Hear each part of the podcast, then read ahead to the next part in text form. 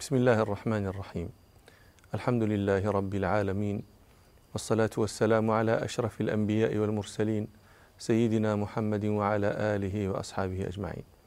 لا نزال مع رسول الله صلى الله عليه وسلم في وادي حنين ورسول الله صلى الله عليه وسلم والمسلمون يخوضون ما ذكرناه من الأحداث الهائلة.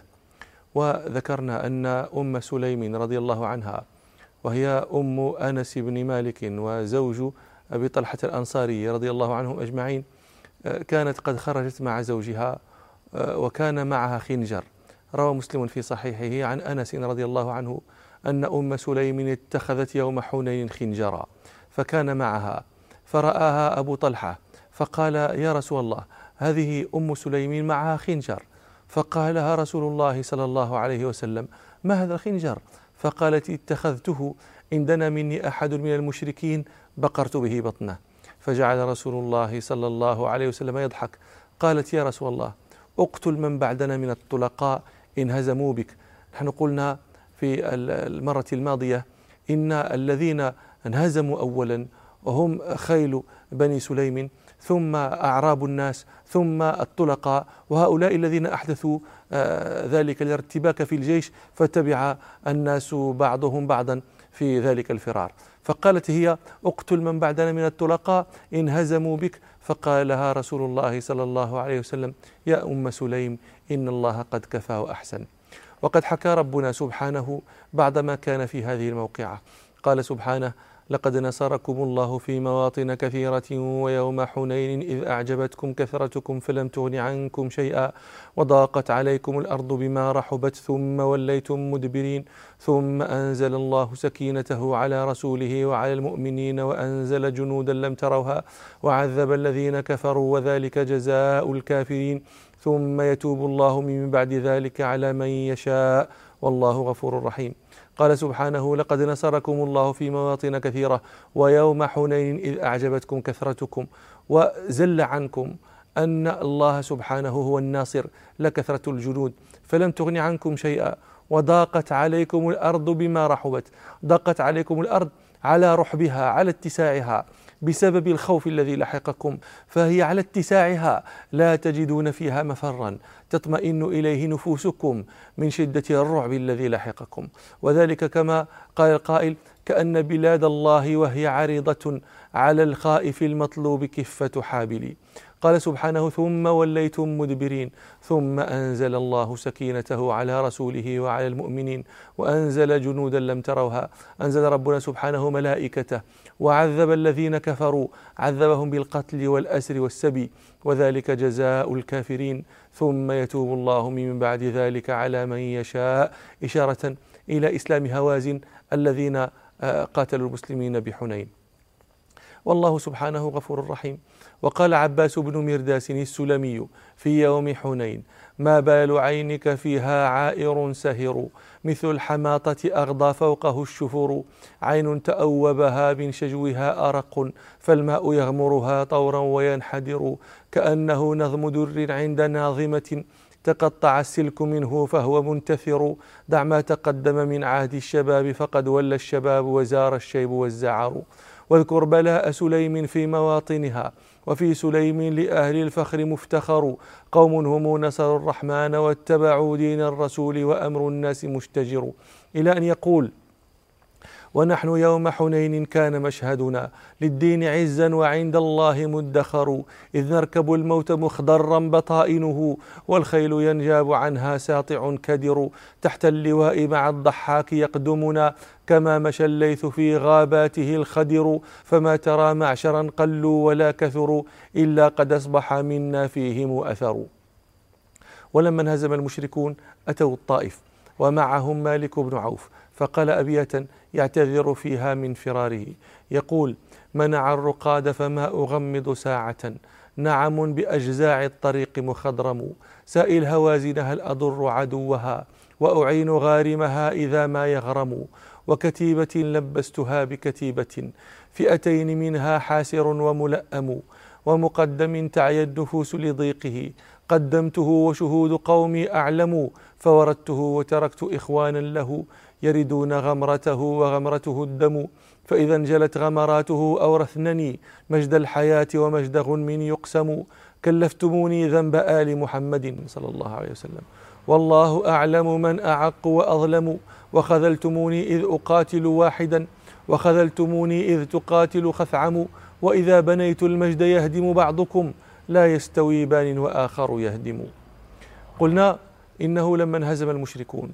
أتوا الطائف ومعهم مالك بن عوف النصري وعسكر بعضهم بأوطاس فبعث رسول الله صلى الله عليه وسلم في آثار الذين بأوطاس أبا عامر عبيد بن سليم الأشعري وهو عم أبي موسى الأشعري وأمره على جمع من الصحابة فيهم أبو موسى الأشعري وسلمة بن الأكوع والزبير العوام. روى البخاري ومسلم في صحيحيهما.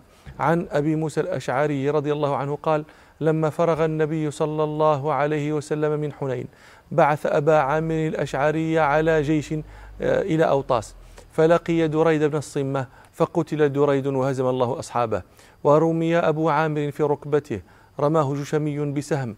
جشمي أحد بني جشم بن معاوية بن بكر بن هوازن وهم رهط دريد بن الصمة. قال ورماه جشمي بسهم آه، في ركبته. قال أبو موسى فانتهيت إليه فقلت يا عم من رماك؟ قال فأشار إلى أبي موسى فقال ذاك قاتل الذي رماني.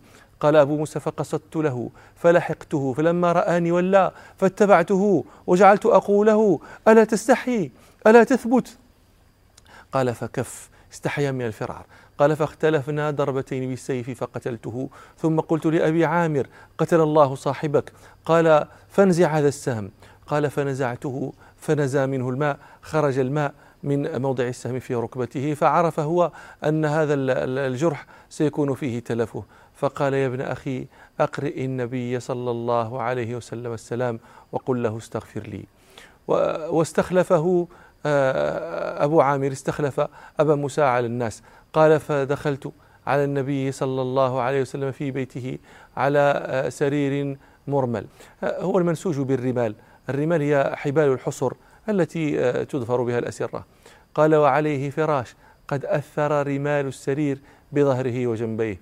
فأخبرته بخبرنا وخبر أبي عامر وأخبرته بوصيته أنه يسأل رسول الله صلى الله عليه وسلم أن يستغفر له. قال فدعا رسول الله صلى الله عليه وسلم بماء فتوضأ ثم رفع صلى الله عليه وسلم يديه فقال اللهم اغفر لعبيد أبي عامر قال أبو موسى ورأيت بياض إبطيه صلى الله عليه وسلم ثم قال صلى الله عليه وسلم اللهم اجعله يوم القيامة فوق كثير من خلقك من الناس فقال أبو موسى فقلت يا رسول الله ولي فاستغفر. فقال صلى الله عليه وسلم اللهم اغفر لعبد الله بن قيس ذنبه وأدخله يوم القيامة مدخلا كريما. وروى البزار قصة قتل دريد بن الصمة بإسناد حسنه الحافظ بن حجر رحمه الله عن أنس رضي الله عنه أنه لما انهزم المشركون يوم حنين انحاز دريد بن الصمة على جبيل وقال على أكمه في زهاء ستمائة رجل. فقال بعض القوم أرى والله كتيبة قد أقبلت. فقال هو حلوهم لي يعني اذكروا لي حليتهم وصفتهم. فقالوا سيماهم كذا من هيئتهم كذا. فقال لا بأس عليكم هذه قضاعة منطلقة في آثار القوم. فلبثوا قليلا. ثم قالوا إنا والله نرى كتيبة خشناء قد أقبلت. فقال دريد حلوهم لي. فقالوا له سيماهم كذا ومن هيئتهم كذا. فقال لا بأس عليكم هذه سليم. طبعا هو أنا قلنا في المرة الماضية هو رجل آه، مجرب خاض حروبا كثيرة جدا فيعرف القبائل بعلاماتها وسيماها. قال ثم قالوا نرى فارسا قد أقبل. قال ويلكم وحده! قالوا وحده قال حلوة لي. قالوا معتجرا بعمامة سوداء. قال دري ذاك والله الزبير العوام. وهو والله قاتلكم ومخرجكم من مكانكم هذا.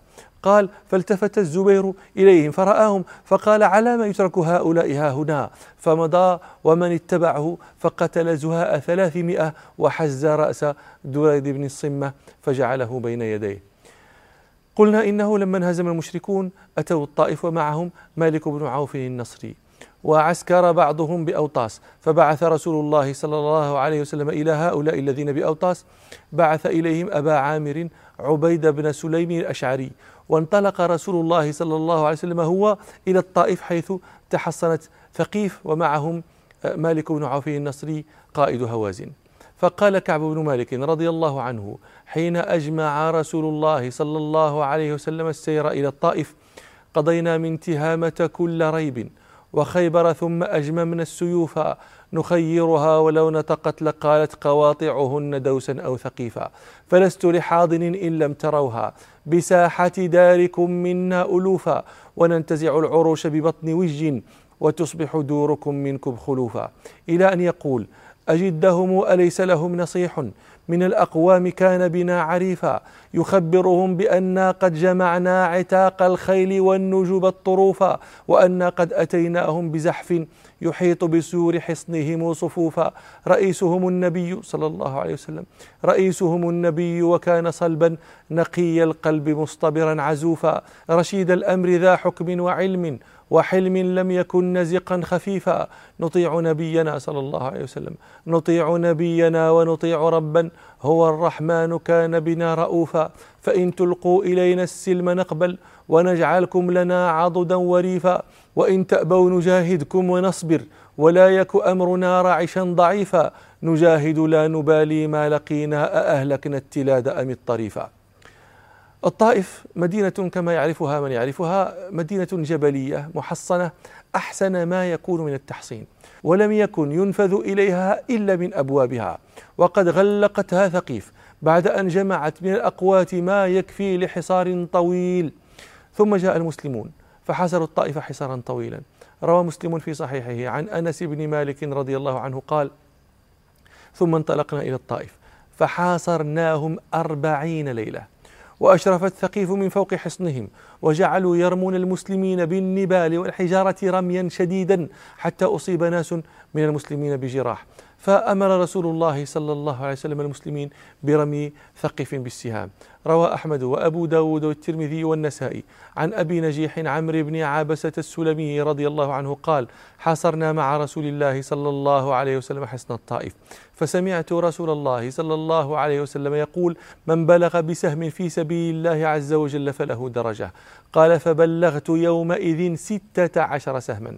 ويروى أنهم حاولوا اقتحام الحصن باستعمال الدبابات. الدبابات هذه آلات تصنع من, من, من خشب وتغشى بجلود ثم يدخل فيها الرجال فيقتربون من جدار الحصن وهم آمنون من سهام الأعداء. وحاولوا أيضا اقتحام الحصن باستعمال المنجنيق. المنجنيق معروف هذا العمود الطويل الذي توضع فيه حجارة فيقذف بها. ولكن ذلك كله لم يجدي ولم يستطع المسلمون اقتحام حصن الطائف. فأمر رسول الله صلى الله عليه وسلم حينئذ بالانصراف وقد حاصروهم أربعين ليلة. فكبر ذلك على بعض الصحابة أن يرجعوا بعد هذا الحصار الطويل ولم يفتحوا الطائف. روى البخاري ومسلم في صحيحيهما. عن عبد الله بن عامر بن العاص رضي الله عنهما قال حاصر رسول الله صلى الله عليه وسلم أهل الطائف فلم ينل منهم شيئا. فقال صلى الله عليه وسلم إنا قافلون إن شاء الله. قال أصحابه نرجع ولم آه، نفتحه. فقال صلى الله عليه وسلم اغدوا يعني ما لا تريدون الرجوع اغدوا على القتال. فغدوا عليه فأصابهم جراح. فقال صلى الله عليه وسلم إنا قافلون غدا. قال فأعجبهم ذلك. فضحك رسول الله صلى الله عليه وسلم. وأثناء حصار الطائف نزل بعض آه، الرقيق بعض رقيق ثقيف فأعتقهم رسول الله صلى الله عليه وسلم. روى الإمام أحمد والطبراني عن ابن عباس رضي الله عنهما قال حاصر رسول الله صلى الله عليه وسلم أهل الطائف فخرج إليه عبدان فأعتقهما أحدهما أبو بكرة وكان رسول الله صلى الله عليه وسلم يعتق العبيد إذا خرجوا إليه. انصرف رسول الله صلى الله عليه وسلم من الطائف متوجها إلى الجعرانة. هذا ضبطها على الأفصح ويقال أيضا الجعرانة والجعرانة أفصح. وفي الطريق لقيه سراقة بن مالك الجعشمي المدلجي وقد تقدم لنا الكلام عليه في هجرة رسول الله صلى الله عليه وسلم. روى الطبراني في معجمه الكبير عن سراقة بن مالك رضي الله عنه أنه خرج إلى رسول الله صلى الله عليه وسلم لما فرغ رسول الله من حنين ليلقاه.